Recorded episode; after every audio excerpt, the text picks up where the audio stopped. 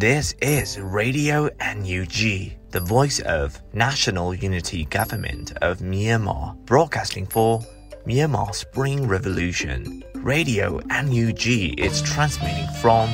shortwave 16 meter 17.79 megahertz at 8:30 a.m. and 25 meter 11.94 megahertz at 8:30 p.m. Myanmar Standard Time.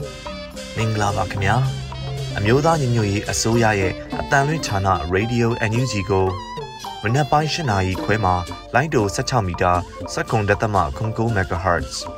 ညပိုင်း၈နာရီခွဲမှာလိုင်းတို25မီတာ17တက်သမ6 MHz တို့မှာဓာတ်ရိုက်ဖမ်းယူနိုင်နိုင်ပါပြီမင်္ဂလာအပေါင်းနဲ့ပြည့်စုံကြပါစေအခုချိန်ကစပြီး Radio NUG အစီအစဉ်တွေကိုဓာတ်ရိုက်အတန်လွှင့်ပေးနေပါပြီ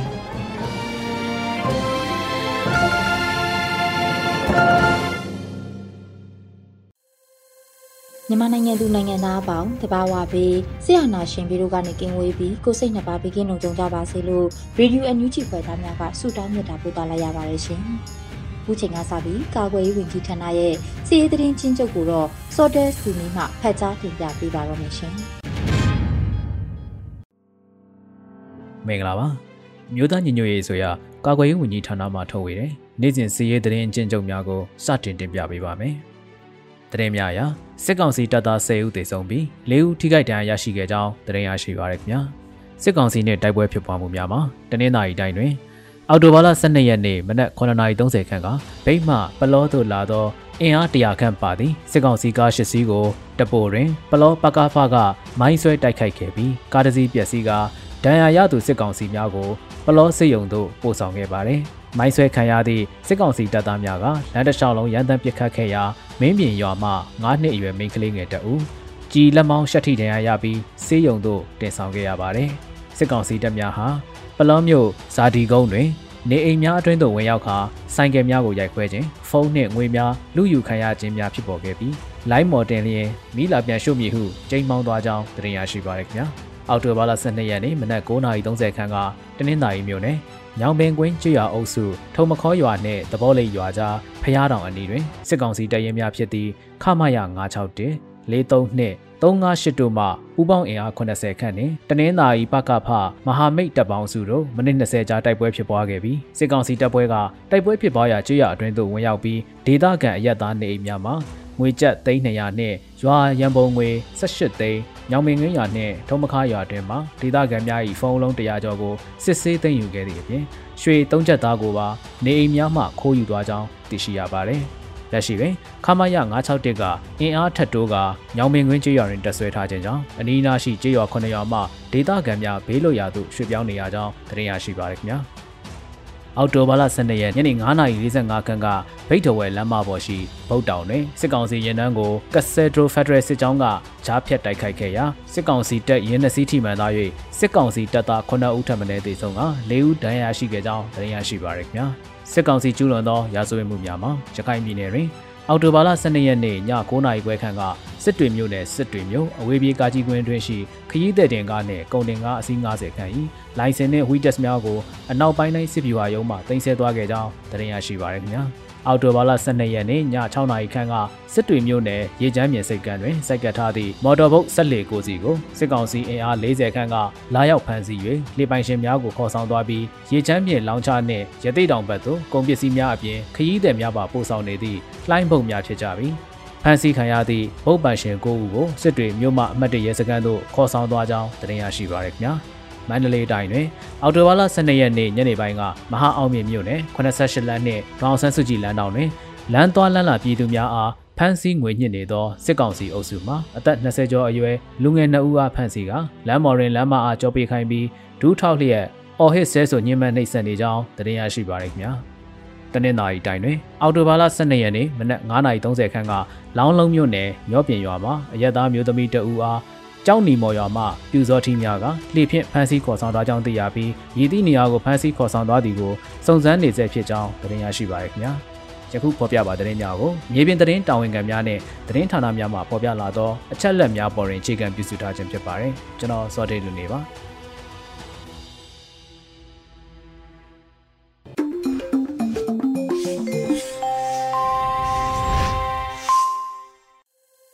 ရေဒီယိုအန်ယူဂျီမှာဆက်လက်တင်ပြနေပါတယ်။အခုဆက်လက်ပြီးနောက်ဆုံးရသတင်းများကိုနှွေဦးမိုင်မှဖတ်ကြားတင်ပြပေးပါတော့မယ်ရှင်။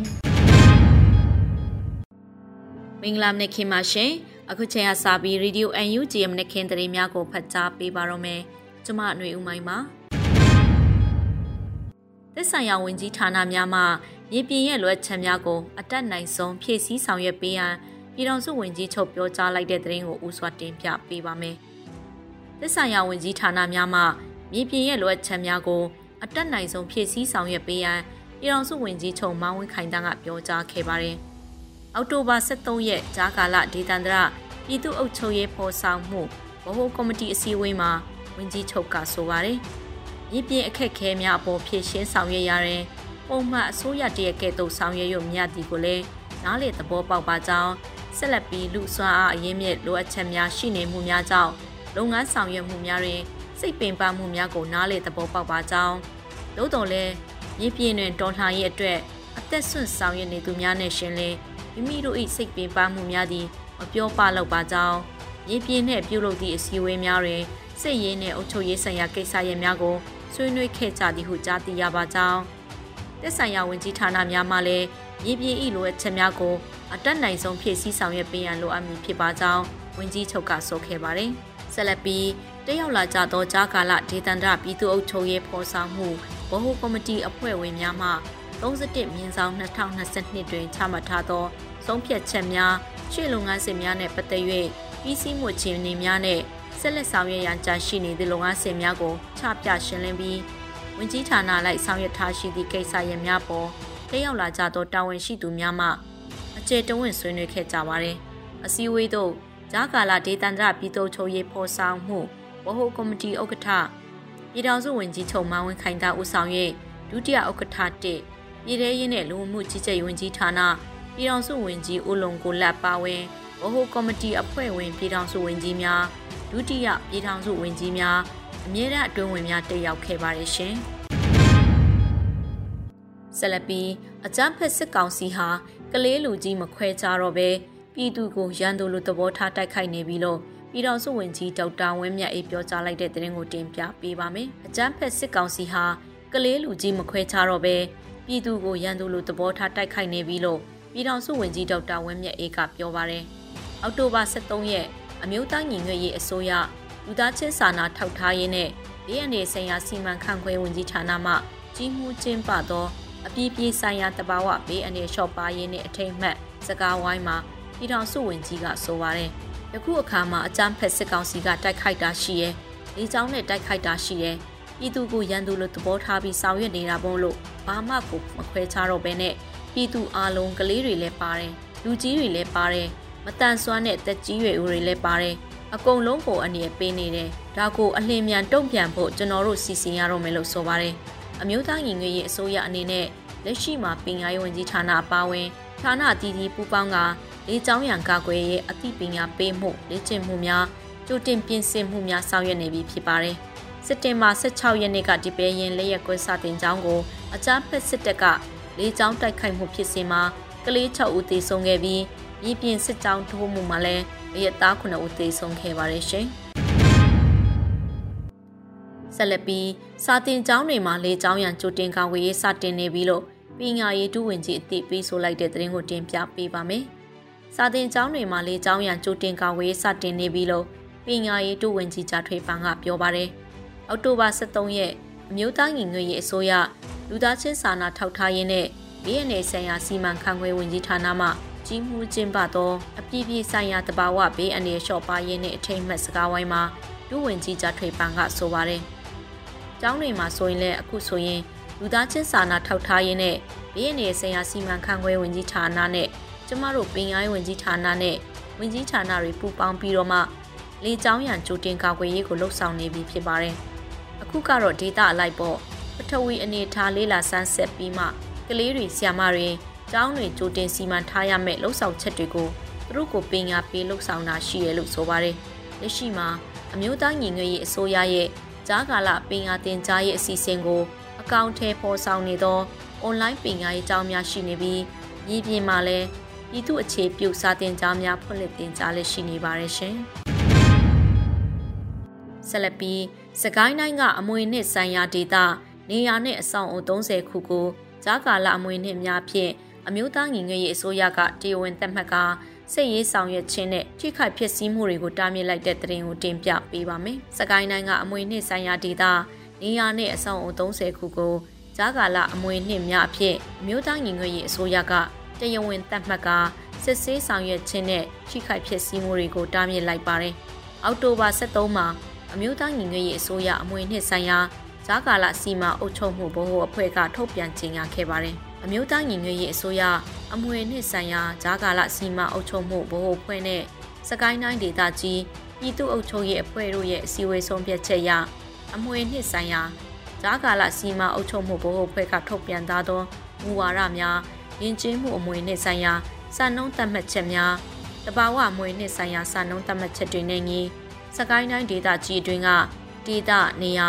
အဆောက်အုံစုစုပေါင်း30ခုကိုကြားကာလမွေနှစ်များဖြစ်သတ်မှတ်ပြီးအဲ့ဒီဒေသတွေမှာစစ်ရေးဆောင်ရွက်ခြင်းနဲ့ချိခိုက်ဖြစ်စည်းမှုတွေလုံးဝလုံးဝဆောင်ရွက်ခြင်းမပြုဖို့တားမြစ်ထောင်ထုတ်ပြန်ခဲ့ပါတယ်။အဲ့ဒီတားမြစ်ချက်တွေကကုန်းချောင်းစစ်သို့မဟုတ်ရေချောင်းစစ်သို့မဟုတ်လေချောင်းစစ်ပြုလုပ်ခြင်း စစ်ရေးပြုလုပ်ရန်အတွက်စခါးနေရာချထားခြင်းလက်နက်ကြီးလက်နက်ငယ်များဖြင့်ပစ်ခတ်ခြင်းမိတင်ရှို့ခြင်းပျက်စီးခြင်းစသည့်ပျက်စီးရန်ဆောင်ရွက်ခြင်းခိုးယူခြင်းရောင်းချခြင်းပုံသွဲခြင်းပြုပြင်ခြင်းပြင်ဆင်မောမှန်ခြင်းနဲ့ပုံစံပြောင်းခြင်းစတဲ့မူလအနေထားပျက်စီးစေဖို့ကြံဆောင်ခြင်းတို့ဖြစ်တယ်လို့ဖော်ပြထားပါတယ်။ကားမြစ်ချစ်များပေါ်ဖောက်ဖျက်ကျူးလွန်ရင်ယဉ်ကျေးမှုအမွေနဲ့များကာကွယ်ထိန်းသိမ်းရေးဥပဒေ2019 ရှေးဟောင်းအဆောက်အအုံများကာကွယ်ထိန်းသိမ်းရေးဥပဒေ2015တို့အပြင်အကြမ်းဖက်တိုက်ဖျက်ရေးဥပဒေတွေနဲ့အညီအရေးယူဆောင်ရွက်သွားမှာဖြစ်တယ်လို့ဆက်လက်ဖော်ပြထားပါတယ်ရှင်။ဆက်လက်ပြီးမိုးအိုပင်မြို့နယ်ကရွာအချို့မှာတောင်သူတွေကိုစစ်တပ်ကနေကြစိုက်ခင်းများတအေကမဖြစ်မနေစိုက်ခိုင်းတဲ့တဲ့ရင်ကိုတင်ပြပေးပါမယ်။အီယာဝရီတိုင်းမိုးအိုပင်မြို့နယ်ကရွာအချို့မှာတောင်သူတွေကိုစစ်တပ်ကနေကြစိုက်ခင်းများ တအေကမဖြစ်မနေစိုက်ခိုင်းတယ်လို့တင်ရရှိပါရယ်။အောက်တိုဘာ23ရက်မှာမအူပင်မြို့နယ်ပြည်သူ့လွှတ်တော်ကိုယ်စားလှယ်ဒေါ်အီအီပြုံးကပြောပါတယ်။ကျမရဲ့မဲဆန္ဒနယ်မှာ၄ဧက၄ဧကရှိတဲ့တောင်သူဆိုရင်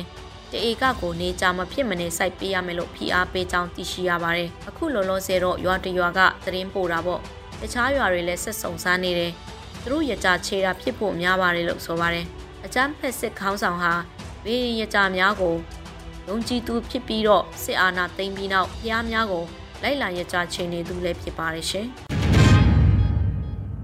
ဆက်လက်ပြီးတမူး PDF တရင်သုံးမှတက်သားနှုတ်ထွက်ပြေးသွား၍တက်ပြေးအဖြစ်ချိန်ညာထုတ်ပေးတဲ့သတင်းကိုတင်ပြပေးပါမယ်။တမူး PDF တရင်သုံးမှတက်သားနှုတ်ထွက်ပြေးသွား၍တက်ပြေးအဖြစ်ချိန်ညာထုတ်ပေးလိုက်ပါတယ်။အောက်တိုဘာ23ရက်မှာတမူး PDF တရင်သုံးကအသိပေးဆိုပါတယ်။ ပြည်သူ့ကာကွယ်တပ်မတော်တရင်သုံးတမူးမြို့စကိုင်းတိုင်းမှာနေမင်းခန်းနဲ့စေးဝိုင်တို့သည်တရင်ဤစီမင်းစီကားများကိုလိုက်နာမှုမရှိဘဲ PDF တပ်ပြေးအဖြစ်ထွက်ပြေးသွားပါသဖြင့်မိမိတို့ပြည်သူ့ကာကွယ်တပ်မတော်တရင်သုံးဤတပ်ဖွဲ့ဝင်ဖြစ်မှ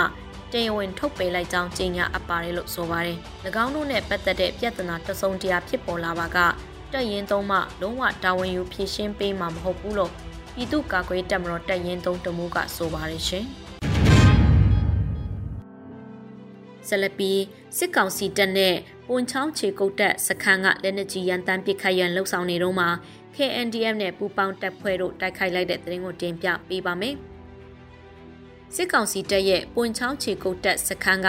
လက်နက်ကြီးရန်တမ်းပစ်ခတ်ရန်လှုပ်ဆောင်နေတော့မှာ KNDF နဲ့ပူးပေါင်းတပ်ဖွဲ့တို့တိုက်ခိုက်ခဲ့ပါတယ်။အောက်တိုဘာလ23ရက်နေ့မှာစစ်ရေးတရင်ကို KNDF ကဆိုပါတယ်။လက်နက်ကြီးများရန်တမ်းပစ်ခတ်ရန်လှုပ်ဆောင်နေသောလွိုင်ကော်မြို့နယ်နဲ့ ရှာတော်မြို့နယ်အကြားရှိစက်ကောင်စီတပ်၏လက်နက်ကြီးရန်တမ်းပစ်ခတ်ရန်လှုပ်ဆောင်နေတော့မှာအောက်တိုဘာလ17ရက်နေ့ကမိမိတို့ကရင်ပြည်ပူပေါင်းတပ်များမှတိုက်ခိုက်ခဲ့ပါတယ်။စစ်ကောင်စီပွင့်ချောင်းခြေကုပ်စခန်းတွင်၎င်းတို့တပ်သားများမှလက်နက်ကြီးများပစ်ခတ်ရန်ပြင်ဆင်နေကြောင်းထောက်လှမ်းသိရှိရ၍မိမိတို့ကရင်ပြည်ပူပေါင်းတပ်များမှနနက်၈နာရီမှစ၍တနအီကြောကြာပစ်ခတ်တိုက်ခိုက်ခဲ့ပါတယ်လို့ဆိုပါတယ်။အဆိုပါတိုက်ခိုက်မှုကို KNDF, KA SSRY တို့ပူးပေါင်း၍တိုက်ခိုက်ခဲ့ခြင်းဖြစ်ပြီးရန်သူ၏ခြေကုပ်စခန်းတွင်မှပြစ်မှတ်များအားထိရောက်စွာတိုက်ခိုက်နိုင်ခဲ့ကာစစ်ကောင်စီဘက်မှထိခိုက်ကြဆုံးမှုများရှိနိုင်သလိုပူးပေါင်းတပ်များမှအထိခိုက်မရှိဆုတ်ခွာနိုင်ခဲ့ပါရဲ့ရှင်။ဆက်လက်ပြီးထီလင်းမြို့နယ်အနောက်ဘက်ရွာမှာအကြမ်းဖက်စစ်တပ်ကလက်ပြန်ကျိုးတုံးလက်လူနေအိမ်ပေါ်တင်ကအပြစ်မဲ့ပြည်သူ၄ဦးကိုမိရှုတပ်ဖြတ်ထားတဲ့တဲ့ရင်ကိုတင်ပြပေးပါမယ်။ မကွေးတိုင်းထီလင်းမြို့နယ်အနောက်ဘက်ရွာမှာအကြမ်းဖက်စစ်တပ်ကလက်ပြန်ကျိုးတုံးလက်လူနေအိမ်ပေါ်တင်ကအပြစ်မဲ့ပြည်သူလေးဦးကိုမိရှုတပ်ဖြတ်ထားတယ်လို့တင်ရရှိပါရတယ်။အောက်တိုဘာ23ရက်မှာ YDF ထီလင်းကနေမြေရှင်းလင်းရေးလုပ်စဉ်မှာအကြမ်းဖက်စစ်တပ်ရဲ့တပ်ဖြတ်ထားမှုကိုတွေ့ရှိခဲ့လို့အတည်ပြုဆိုပါရတယ်။အောက်တိုဘာ23ရက်မနက်8:20အချိန်ခန့်တွင်အနောက်ဘက်ရွာမှစစ်ကြောင်းဆုတ်သွားကြသဖြင့်ယောဂကွဲတပ် YDF ချီလင်းတပ်ဖွဲ့ဝင်များမှနေမြေရှင်းလင်းရေးဆောင်ရွက်ခဲ့ရာ လက်ပြန်ကျိုးတုံလက်လူနေအိမ်ပေါ်တင်၍မိရှုထားသောအပြစ်မဲ့ပြည်သူအလောင်းလေးလောင်းအားစစ်ဆေးတွေ့ရှိခဲ့ပါတယ်လို့ဆိုပါတယ်။စက်တင်ဘာ19ရက်နေ့ကလေးကချီလင်းမြို့နယ်တွင်သို့စစ်ကြောင်းထိုးဝင်ရောက်လာခဲ့သောခလာရ90မှစစ်ကောင်စီတပ်နှင့်ပြူတီယာကျော်စစ်ကြောင်းဟာအညာတော်ကျေးရွာမှစ၍စစ်ကြောင်းတောက်လျှောက်ရှိကျေးရွာများအားမိရှုလို့ရဖြစ်စည်းလာကြရာယနေ့အထိစုစုပေါင်းဆုံးရှုံးတဲ့ပြည်သူနေအိမ်40နေအိမ်ထိရှိလာပြီဖြစ်ပါတယ်ရှင်။ ဆက်လက်ပြီးတိတိမ်မျိုးအခြေဆိုင်ချင်းလင်တက်ရင်269မှလက်နက်ကြီးဖြင့်ရန်တမ်းပစ်ခတ်၍အရက်သားတူလက်နက်ကြီးကြီးထိမှန်တေဆုံးတဲ့တဲ့ရင်ကိုတင်ပြပေးပါမယ်။တိတိမ်မျိုးအခြေဆိုင်ချင်းလင်တက်ရင်269မှလက်နက်ကြီးဖြင့်ရန်တမ်းပစ်ခတ်၍အရက်သားတူလက်နက်ကြီးကြီးထိမှန်တေဆုံးခဲ့ပါတယ်။အောက်တိုဘာလ17ရက်နေ့ည9:00နာရီခန့်ချိန်တွင်ချင်းပြည်နယ်တီတိမ်မြို့မြို့မရက်ကွက်ရှိရုံးနှစ်ခုမိလောင်မှုဖြစ်ပွားနေချိန်တီတိမ်မြို့အခြေဆိုင်ခြေလင်တက်ရင် 169မှလက်နက်ကြီးဖြင့်ရန်တမ်းပစ်ခတ်ခဲ့သောကြောင့်လိုင်လုံးကျေးရွာတွင်နေထိုင်သောညောင်လျန့်ဝုံသည်နေအိမ်တွင်အပြုံနေစဉ်ဦးခေါင်းကိုလက်နက်ကြီးကြီးထိမှန်ကတေဆုံးခဲ့တယ်လို့ AAPP ကဖော်ပြပါတယ်။ထို့ပြင်အမျိုးသားတဦးလည်းထိခိုက်ဒဏ်ရာရရှိခဲ့ကြောင်းသတင်းရရှိပါရယ်။စစ်အာဏာသိမ်းပြီးနောက်လွေဦးတော်လှန်ကာလအတွင်းကြာဆုံးခဲ့ရသူစုစုပေါင်းမှာ2350ဦးရှိခဲ့ပြီဖြစ်ပါတယ်ရှင်။အခုတင်ပြပေးခဲ့တဲ့သတင်းတွေကိုတော့ Radio UNG သတင်းထောက်မင်းမင်းကပေးပို့ထားတာဖြစ်ပါတယ်ရှင်။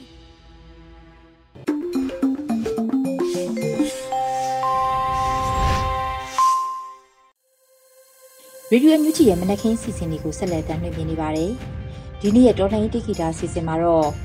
ຫນွေဦးပြည်သူများရဲ့ Until We See the Light လို့အမည်ရတဲ့တော်လှန်ရေးတိဂီတာကိုနားဆင်ကြရတော့မှာဖြစ်ပါတယ်ရှင်။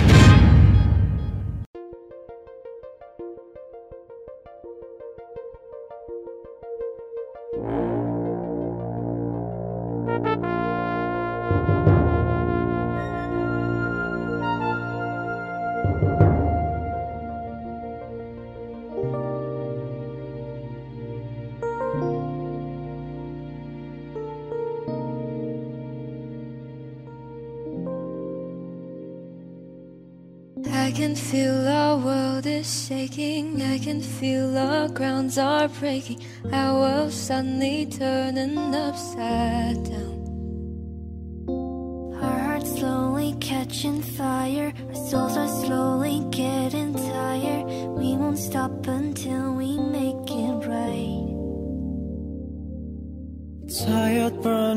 Feeling empty. Parents crying, children dying. Dead on one's feet, times are trying. Hell is empty, devils rising. We'll find a way, we'll be okay. We'll save the day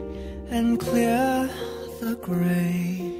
Don't stop, we keep on going. Don't stop, we keep on fighting. Don't stop, we let a fire burn until we see the light. Don't stop, we stay united. Don't stop, we stay ignited. Don't stop, we let a fire burn right through the darkest time. We'll make to see the light that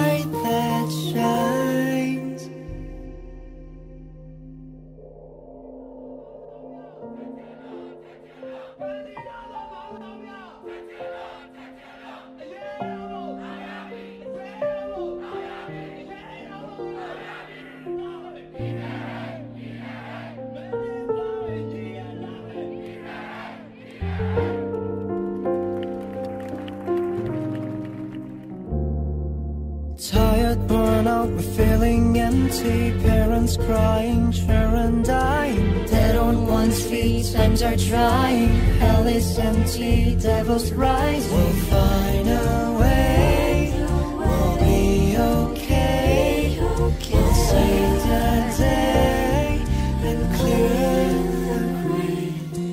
Don't stop, we'll keep on going. Don't stop, we'll keep on fighting. Don't stop, we let our fire burn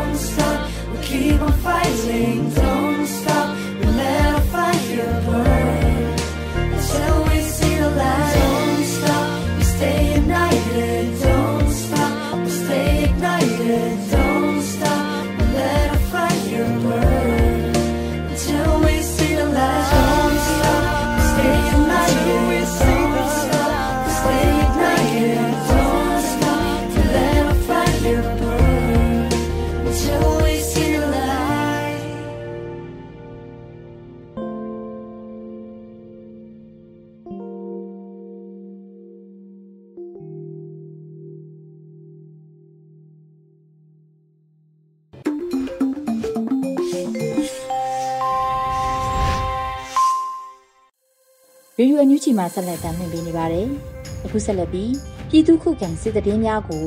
ຫນွေဦးလင်းအိမ်မှဖက်ကြားတင်ပြပေးပါရမရှင်။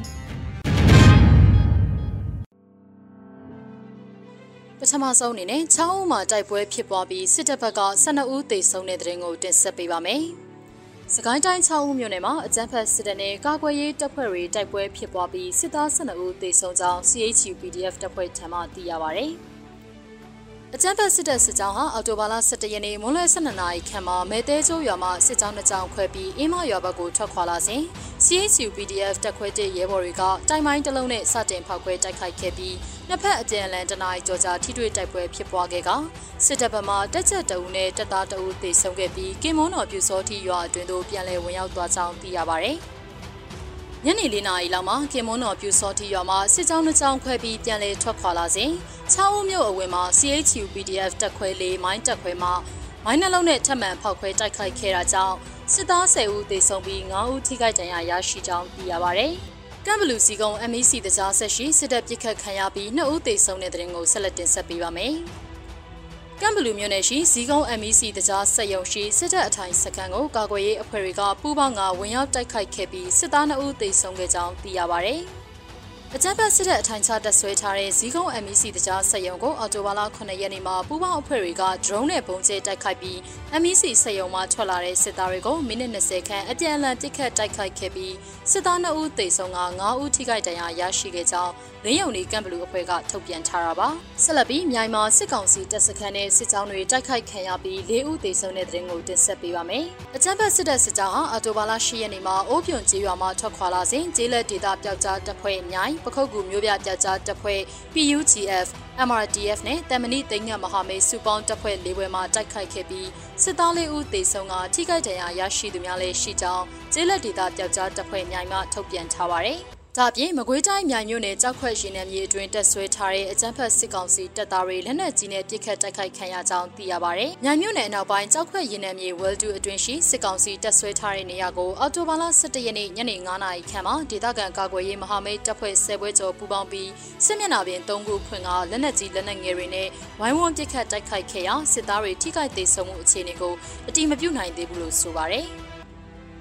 နောက်ဆုံးအနေနဲ့ KNU တပ်မဟာ9တွင်9ရက်အတွင်းတိုက်ပွဲများမှာစစ်ကောင်စီဘက်မှ19ဦးသေဆုံးတဲ့တဲ့ရင်ကိုတင်ဆက်ပေးပါမယ်။ကရင်မျိုးသားစီယုံ KNU တပ်မဟာ9အုပ်ချုပ်နေမြေဖာပုံမူကျော်ခရိုင်မှာအောက်တိုဘာလ9ရက်မှ17ရက်နေ့အတွင်းတိုက်ပွဲများမှာစစ်ကောင်စီဘက်မှ19ဦးသေဆုံးကြောင်းအကြမ်းဖက်စစ်တပ်နဲ့ BGF တပ်ဖွဲ့တွေကကြေးရွာတွေအတွင်းကိုလက်နက်ကြီးနဲ့ပစ်ခတ်မှုကြောင့်ဒေသခံ3ဦးဒဏ်ရာရကြောင်း KNU မူကျော်သတင်းစင်ကထုတ်ပြန်ပါတယ်ရှင်။